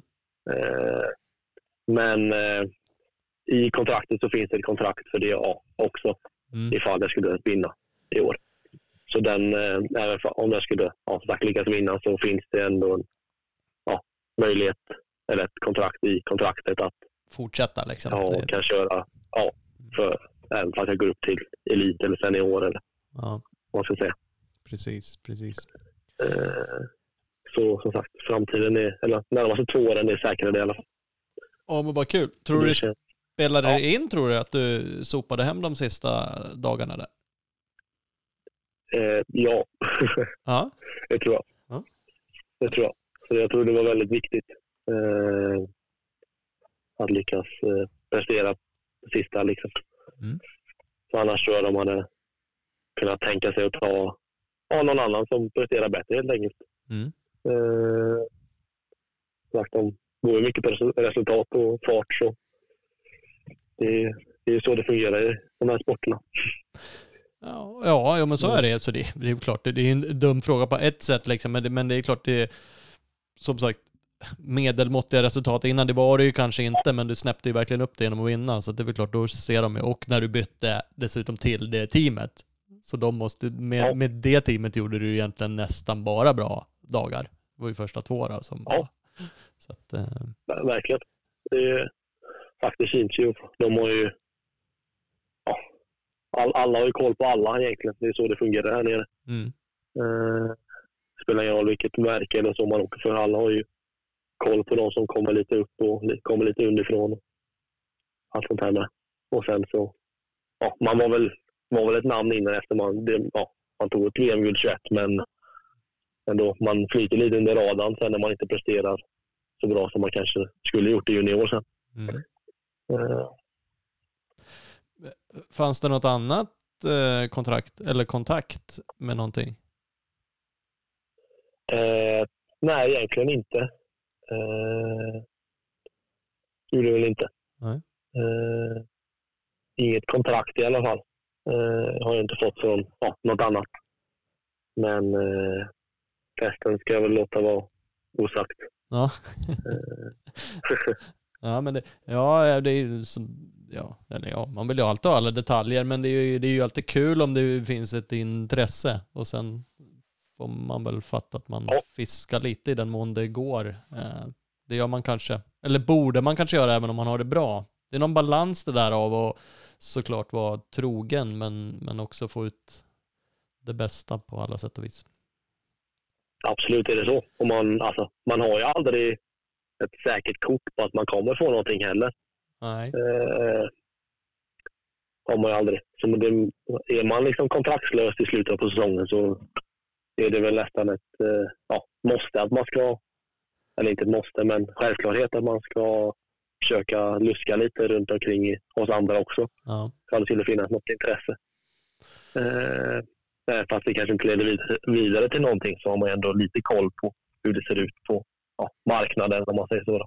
Mm. Eh, Mm. Hur, hur bra är ett sånt där kontrakt då? Det är ett fabrikskontrakt, två år. Är du ekonomiskt oberoende nu efter två år eller? ja, det kunde man ändå önska, men eh, nej. Det, det gör jag väl inte. Det kan jag inte påstå. Nej. Men eh, sagt, jag, ja, jag, kan ju, jag kan ju leva på det i alla fall. Ja. Det är inget, eh, inget drömliv så, alltså om man säger lönmässigt och allt sånt där. Men man, man klarar sig liksom. Ja. Du, har, Eh, du har inte beställt någon Ferrari än alltså? nej, men jag tänkte göra det nästa vecka. Ja, ja men, ja, men det är bra. Måste ändå visa att det är factory. Ja. Nej, men eh, det, är, det är ju bra. Som sagt, jag är ju bara junior än så länge och jag har inte varit med i, jag har inte varit med i gamet så mycket heller. Så jag är ju egentligen nöjd så länge jag kan köra gratis och kunna tjäna något på det med bonusar och möjligtvis lite lön och sånt här också. Så. Mm. Eh, allt utöver att köra gratis är ju bara en, ja, en bonus, skulle jag säga. Mm. Mm. Vem förhandlar kontrakt? Eller gör man inte det? Tackar man bara att man får någonting? Eller har du någon som gör åt det? Eller är du duktig på att prata om sånt där själv? Eller? Eh, mycket är väl eh, ja, med hjälp av eh, mamma egentligen. Mm. Eh, jag har ingen, eh, ja vad ska man säga, eh, vad heter det? Agent kanske? Eller Ja. sånt där. Ja. Agent ja, exakt. Eh, som hjälper mig med det, men det kanske man borde haft egentligen. Eh, men än så länge klarar jag mig väl eh, ja, med mamma än så länge i alla fall. Ja. Och sen så ja, har jag väl lite hjälp från andra eh, runt omkring som Mm. hjälper mig med olika grejer. Eh, men eh, som sagt, mamma är väl mestadels hjälpen. Ja, och pappa då. Mm. Han får ju vara med och tycka Ja. till han också om han vill. Han får det. Det är alltid mamma som bestämmer. Så är det. Det, det vet Så är alla. det alltid. Ja. Men, men eh, hur ser det ut med andra saker? Jag, jag noterade bara att du bytte ju liksom kläder och hjälm och stövlar och allting mellan när du gjorde teambytet. Eh, så jag gissar Japp. att det är, det är teamdealer, alla sådana saker, så att det är liksom bara här, här är det du får när du åker det här teamet, eller hur ser det ut? Ja, det känns som att det är så ja, i endurovärlden i alla fall. Mm. eh, att eh, ja, teamet har bilar så. Eh, så tanken var väl egentligen från början att jag skulle åkt eh, samma som jag hade åkt. Ja, Serbis då och så Show-hjälm. och- Men eh, det, som sagt, det ändras ganska fort eh, ibland. Ja. Eh, så det vart ju, ja, första race, första fyra då vart ju bara kläderna egentligen. Och så åkte jag samma hjälm och samma stövlar och allt sånt där. Och sen till fixdays då så vart det ju helbyte förutom briller då. ja. Det fick jag, hade jag samma. Eh, så som sagt, det är ju teamdealer alltihop. Mm. Så det är bara, ja, man får åka med det de säger. Men, men är det bra? Alltså har du fritt sånt där? Du behöver liksom inte säga fan nu är brallorna trasiga och då säger teamet att bara hej, tough luck, gå och köp ett par. Eh, eller, eller hur ser det liksom ut? Eh, Jag kan inte säga att jag... I början av förra säsongen när jag åkte Serbis så hade jag i princip obegränsat med, med grejer. Mm. Eh, men sen när jag bytte så alltså, bytte jag ju så pass sent. Så de, jag vet inte om de hade med budget och allt sånt där heller, teamet kvar liksom. Men då hade jag väl inte överflödigt med grejer. Men eh, jag klarade mig på det jag hade i alla fall. Mm. Eh, hade jag. Eh, eller gjorde jag. Mm. Så, eh, men förhoppningsvis så får jag lite mer till detta året. Eh, Tycker du sånt där är Eh, kul? En annan kan ju nörda som fan kring sånt där. Och så öppnar man upp ett par nya briller och så är det spegelglas Ja. och så tycker man fan det här är ju fan vad fräscht. jag älskar det. Ja. Det var ju liksom, ja, även efter 2021 hade vi också ja, överflödigt med grejer. Då kunde jag liksom, jag skulle köra hemma lite på vintern. Plocka upp ett par helt nya byxor och en helt ny tröja liksom innan jag skulle träna hemma på bakgården. Liksom. det är härligt. Det var inte så här. Ja, det är en bra känsla. Ja, men det är, ja fy fan. Det, det är någon, Ja, det är väl någon nivå av att det behöver inte vara överdrivet, alltså så att det är onödigt heller. Men också, och nu är det ju factory liksom, det är ju trist att ha inte schyssta grejer såklart. Och att det är ju kul att packa upp nya grejer. Ha, Ja. Lägga ner nytt i liksom racebagen och så bara plocka bort plasten och slänga de här små Ja. fuktpåsarna. Det är ju en jävla härlig känsla. Ja, det finns verkligen inget bättre alltså. Det är det bästa inom den här sporten. Fan vad skönt att du också känner så. Jag gör det inte så jävla ofta på men jag gör lite sådana tester för Race Magazine och drar iväg och då, då brukar jag ha lyxet av att ganska ofta liksom Ja. ha med mig nya grejer då. Det är så jävla gött. Ja, det är riktigt nice faktiskt. Ja. Det kan jag, det kan jag hålla med om. ja, det är fan vad härligt att höra. Du tycker det också. Mm, Japp. ja. Vet du vad det blir för grejer då i år? Blir det samma? För vad, vad hade du sist? Eller vad blir det för grejer i i år? vi åkte ju Elevate förra året. Mm. Kläder, stövlar, handskar. Eh, Och så åkte vi Zoom-hjälm ja, i slutet på säsongen. Då. Ja, Eh, Och i år så blir, har vi ändrat. Så nu ska vi åka Garner-stövlar. Eller Garnier eller hur man uttalar det. ja, Eh, Och ska vi åka shortkläder. Eh, Kit-hjälm eller Zoomi, det är ju så, samma sak. Mm. Jag vet inte vilket av dem det blir. Och så ska vi åka ProGrip-brillor. Okej. Så lite bättre kit i år, Mm, ja. ja, det känns så. Ja, jag, jag gillar ju sånt där. Man, ska ha det bästa kittet, liksom. Då är jag nöjd. ja, jo, men det är ju shot-grejer. Men det åkte ju Micke P. Jag vet inte om han ska fortsätta det. Han hade ju något uh, Sverige-kit där va, som var rätt snyggt som han åkte i. Och, Ja, ja. Japp. Eh, jag tror han ska fortsätta med tror jag. Men eh, jag är inte helt hundra. nej, inte jag Jag låter heller. det vara osagt. Ja, också göra det. Det känns som att han också hoppar runt lite mellan team, tänkte jag säga. Det har han väl inte riktigt gjort, men han har ju ändå gått ifrån sitt... sitt Ja. Eh, ja, ja, ja. ja, ja, men lite nytt sådär. Ja, men då blir det lite att packa upp sen. Fan vad gött för dig. Ja, det blir härligt, vet du. Kan du släppa någon sån här YouTube-grej? Det där är ju väldigt populärt, eh, ännu mer bland leksaker kanske, när du får barn sen. Och man så, här, vad- heter det, packa upp-filmer, unpacking, man liksom öppnar upp. Kan du göra det Ja, med ja, kläder? jag, får, jag får släppa något sånt där. När jag har fått allting. Slow motion, liksom, river upp och drar upp. Japp. Ja. Det ser jag fram emot. Satisfying. Ja, precis, det ska vara det. Det är så här ljud, Fan, vad är det mer? Det brukar vara sådana här kockklipp eller de lagar mat ute och det ser så jävla liksom på ljudet. Knivljudet. Ja. Så får du göra med påsarna. Ja, det är... Ja, ja, men jag får lösa något sånt där tycker jag. ja, ja, det, ja, det ser jag fram emot. Fan vad gött. Slow motion och bra Absolut. ljud. Mm. Ja, men det är skönt. Eh. Mm, mm, mm. Eh, vad var det mer jag tänkte på? Jag tänkte lite på, jag skrev faktiskt till eh, Kalle Sjö. Och Yes. tänkte så här att ni har ju samarbetat förut, undrar om ni gör det fortfarande? Eh, när Golfkungen har blivit något annat, för det anslutar med, men skitsamma vad han gör. Eh, men, men ni samarbetar ju fortfarande, eller hur? Jajamän, det stämmer. Eh, Mm. Och han, han visste knappt själv vad han var. Han, fys, eh, program, coach, eh, mentor, eh, allt i allo. Ja, jo, han hjälper mig med, det- med, med det mesta.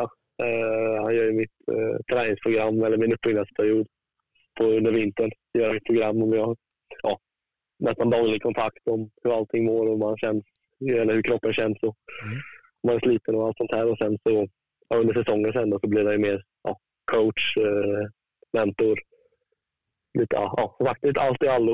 Eh, se så att allting faller på plats liksom. Och kan diskutera med hoj och eh, träning och ja, allt sånt där. Ja. Eh, Så eh, nej, det är väldigt, väldigt uppskattat. Han eh, hjälper mig med det mesta. Ja, men det, det, han har ju varit med och flängt runt och, och varit duktig. Så att, och som sagt, att kunna fortsätta ett samarbete som känns bra, det, det, eh, ja, men det, det måste ju vara lyckat. Och han, han skrev själv, jag frågade om, du, om han trodde du skulle ta några extra steg eh, och liksom kliva upp. Och det, det, då skrev han ändå så här, eh, riktigt, riktigt mycket motivation i vinter med fysen. Och sen lite, du var inne på det nyss, eh, tagit ett steg till vad det gäller intresse för hojen. Mer sug på att testa, utveckla hojen så den passar sig själv. Eh, Känner du det själv? Eh, Samma sak? Ja, jo men det stämmer. Det stämmer. Eh, jag är en, ja, en sån person egentligen som, jag kan egentligen köra på det mesta. Eller så. Jag, inte, jag testar inte så mycket. Jag har egentligen inte haft ett eh, ja, fjädringstest, eller ett riktigt fjädringstest de senaste två åren.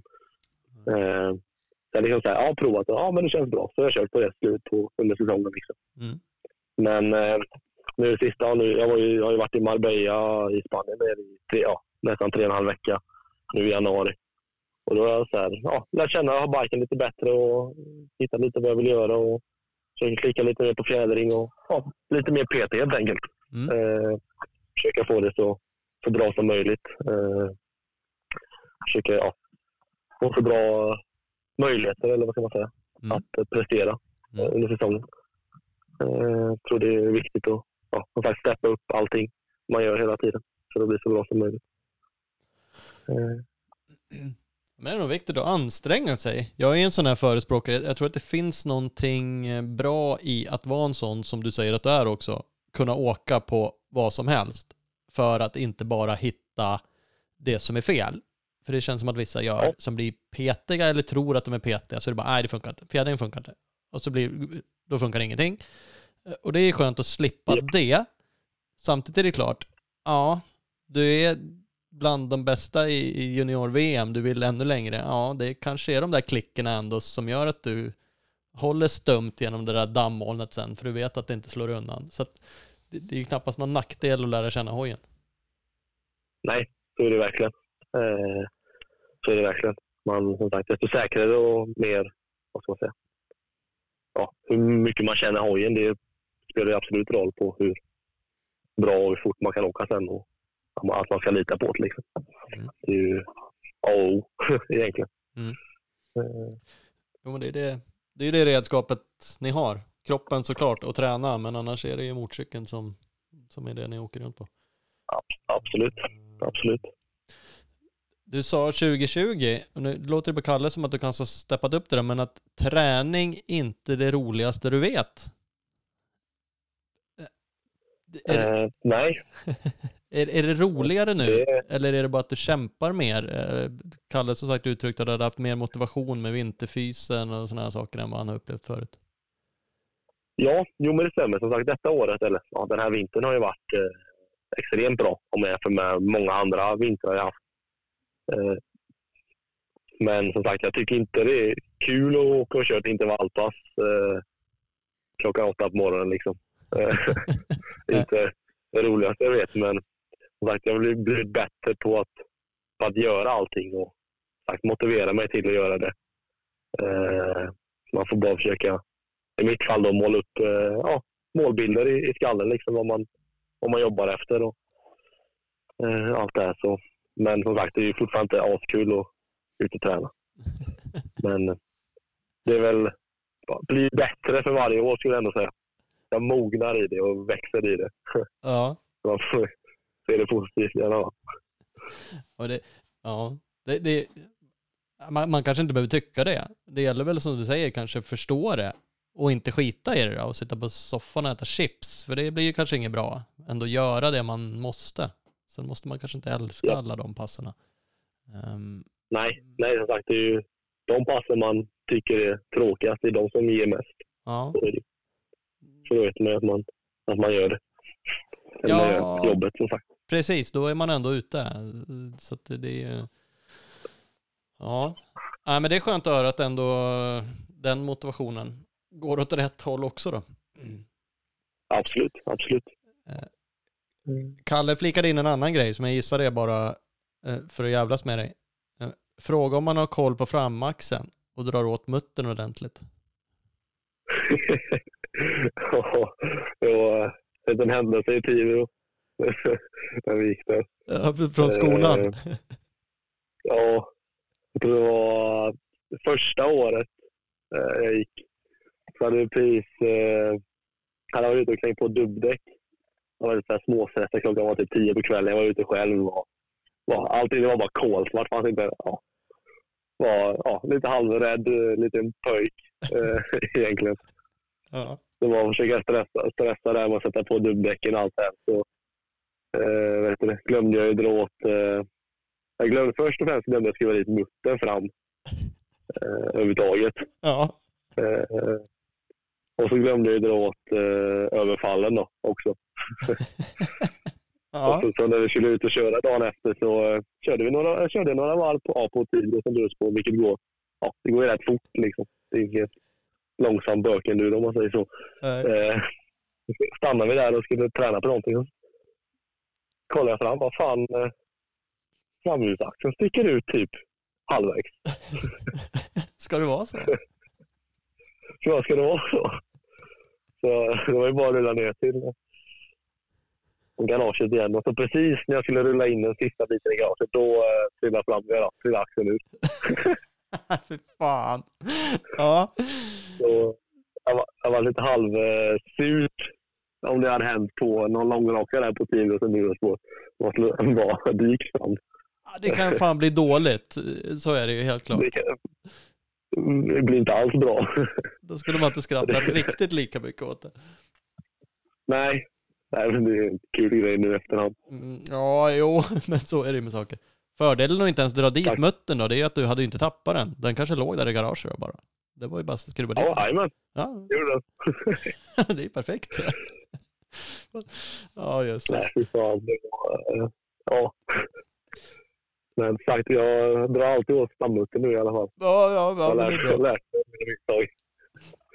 Kör factory team nu, skruvar inte själv helt enkelt. Nej, jag rör ingenting. Det är Nej. lika bra. Det blir bäst så. Ja. Ja, ja. Skönt, skönt. Vi har några andra lyssnarfrågor. Vi kan riva av dem några stycken. Absolut. En såklart som bara följer upp där. Vad, vad är viktigaste målet med, med säsongen? Eh, jo, men alltså, det är väl att eh, kunna prestera på varje race egentligen. Eh, kunna vara, eh, försöka vara topp tre junior eh, varje race. Eh, och vara jämn och ja, vara, vara nöjd med körningen helt enkelt.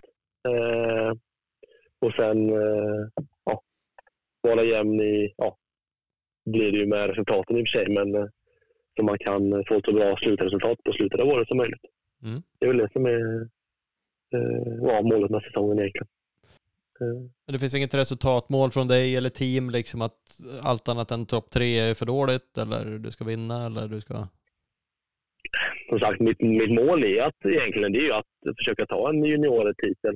Ja. Men eh, sagt, det är mycket som ska falla på plats för att det skulle hända, tror jag. Men eh, som sagt, allting är ju möjligt och sagt, jag har gjort jobbet i vinter för det. Så. Men eh, är jag topp tre så är jag ändå, då skulle jag ändå säga att jag är nöjd. Och lyckas jag vinna då är jag extremt nöjd. Bra, Eh, bra mål. Pallen är pallen. japp, så är det alltid. Eh, Mm. en annan fråga då. Vilken VM-deltävling ser du fram emot mest i år? Och följdfrågan är ju, är, är det banan, väder, publik, underlag eller vad, vad är det som gör en favorittävling? Jag kan säga att favorittävlingen är inte första Italien i alla fall. Så mycket kan jag ju säga. Nej, inga hemmarace för Eh. teamet, det skiter vi i. Ja. Okej. Ja, nej, nej. Det är, inget, eh, det är nog ingen höjdare. Jag har inte kört där eh, faktiskt. Men jag vet, italienska gick det förra året. Och jag körde inte det, men jag har hört lite. Ja. Ja. Men ja, det blir väl nästan Sverige egentligen. Skövde. Hemma, hemmatävling. Eh, skulle jag nog säga. På grund av just Eh, Sverige tack. eller att du gillar, gillar banan och underlaget där också eller? Nej, men jag har kört bra i Skövde det sista, liksom, eller sista racen jag har kört där egentligen. Eh, och sen är det ju alltid publik och det är hemmaplan och allt sånt här också. Men, nej, men jag, jag gillar Skövde. Jag tycker de brukar göra bra tävlingar och jag brukar ha väldigt roligt när jag ja, där och tävlar. Så Mm. det är väl det egentligen. Eh, och sen så Finland ska också bli skoj. Jag har kört förut. Och det har varit, ja, tror jag min första pallplats i EM-totalen då, eh, 2019. Så där har man ju bra minne från också, så det ska också bli väldigt skoj. Mm. Eh, så det är väl ja, Sverige och Finland, men Sverige om man så bara får välja. Mm. Ja, Det, får du. I frågan stod det faktiskt ej Sverige inom parentes. Jag förstod inte exakt varför han eh, skrev så. Men det, det får han inte bestämma. Vår gode vän, eh, nu ska vi se, Martin eh, Börjesson. Martin Börjesson 75 på Instagram. Ja. Ja, det är en bra polare till mig. Ja. Men man, man, oj. Nej, då, då säger vi Finland då, om Ja. man fick säga Sverige. Ja, ja, ja, precis. Ja, men det är bra. Då har du fått, har du fått med det också. Då blir han ju supernöjd. Japp. Snyggt. Jajamän.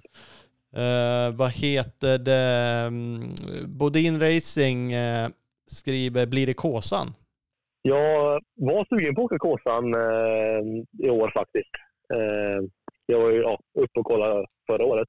Mm. Och jag blev faktiskt väldigt körsugen, men jag tror det kommer bli svårt i år då om, om vi nu, om jag nu får vara med och åka Six Days, Det får du inte. så kommer vi hem vecka, samma vecka som Kåsan går. Så vi kommer ja, Ja, okej. flyga hem på, eh, ja, under den veckan och sen så är det Kåsan på helgen därefter. Då. Mm. Jag tror det kommer bli svårt att, hinna med om man vill ja, göra ett stor hjärtat resultat eller försök om man säga så. Mm. Eh, Så jag tror tyvärr inte det blir Kåsan i år. Som sagt, jag var sugen, men sen så såg jag Six Days ja, eh, kalendern så då vart det inte så mycket mer än så i den tanken. Nej, nej, men det kan man ju förstå. Att det kan bli lite tight. Men fan, nu har inte jag kalender... Nu har jag inte det framför mig. Hur fasiken blev det med ens med lag six days och allting? Skickas det ett juniorlag men inte ett... Tappar jag helt vad som var sagt. Skickas bara, ska bara skickas ett juniorlag. Ja, visst är det så det är. Och där kan man ju utgå ifrån att det blir uttagen om det inte händer något väldigt speciellt. Och då tror jag anledningen var lite också Kåsan. Det fanns massa anledningar. Det var lite luddigt det där från Svemo kändes det som. Ja. Eh, Japp. Som det är ibland. Det var ju krockar även med Gotland. Det gör det ju. Ja. Eh, Och det är både ja, Gotland och Kåsan försvinner ju om man åker dit egentligen. Mm. Men eh, ja, för min egen del så är ju utomlandstävlandet det som spelar roll. Det är där man kan visa upp sig. Ja, Eh, precis. Och då, jag vet inte om de hade frågat de andra, de gick inte ut med några namn. Jag gissar att det är Micke och Albin och de här och att de ville satsa på Kåsan och Gotland kanske och att man argumenterade så att det går inte att skicka någon. Ja. Ja, jag, som sagt, jag har inte heller riktigt koll, men jag kan ju tänka mig att det är något sånt. Mm, det kändes som det, men ändå lite kanske ogrundat vad jag hörde. Men skitsamma, jag har inte så mycket insider i det heller. Men, men så är det ju sagt i alla fall. Uh, Japp. Så ingen Kåsa troligen. Eh, blir det några andra race i Sverige då? Jag skulle vilja åka något SM i där i augusti. Då har vi inget annat, varken italienskt eller VM. Så då har det varit kul att åka upp och köra något. Mm. Eh, någonstans. Vad nu vad är det? Östersund och Hagfors och Uppsala va? Det är det som går dem. Ja, det kanske det är faktiskt. Du säger mina hoods. Kom hit. Eh, Östersund och Uppsala vet jag i alla fall. Sen om det är Hagfors eller om det är något annat, det vet jag inte. Nej. Något av dem skulle jag vilja upp och åka. Jag har inte, så länge jag har inte åkt SM sedan 2020 så det har varit kul att hoppa in och gästa lite. Mm. Ja, det tycker vi också såklart att det är. Fullt förståeligt att du kanske inte har tid samtidigt som du säger att just nu ser kalendern ut som att det kan finnas tid och det är ju bara roligt. Ja, absolut. Det har varit kul att ja, gästa nå, nå, något race i alla fall. Mm, mm. Mm. Ja, ja. Ja, men då hoppas vi på det. Hörru, stort tack annars. Jag tror att vi har betat av. Har du något annat bara som du bara sitter och trycker på? Som du bara måste få ur dig nu och berätta? Nej, egentligen inte. Jag tror jag har fått med det mesta. Eh, tror jag. Skönt. Mm. Kör du ifrån eh, Erlandsson och Semb och vilka är det mer du har tränat med av svenskarna här? Ja, jag, jag försöker i alla fall. Ja. Nej, men eh, jo, på, på racet sen hoppas jag på att kunna plocka fram lite mer fart. ja. Det brukar jag lyckas med. ja, men det är bra. Det är bra. Hörru, stort lycka till då sen under säsongen. Så säger vi igen då, vi får väl höras av sen framöver här. Får vi se om det blir inom Absolut. två år eller vad vi jobbar med. Det märker vi. Ja, det märker vi. Hörru, ha det bra. Samma, toppen. Bra, tja.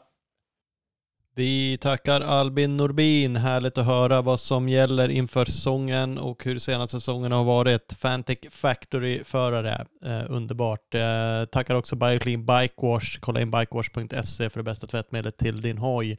Nu eh, tar vi väl och säger tack och hej och kickar lite finsk rock'n'roll igen. Flaming Sideburns. Ha det gött alla!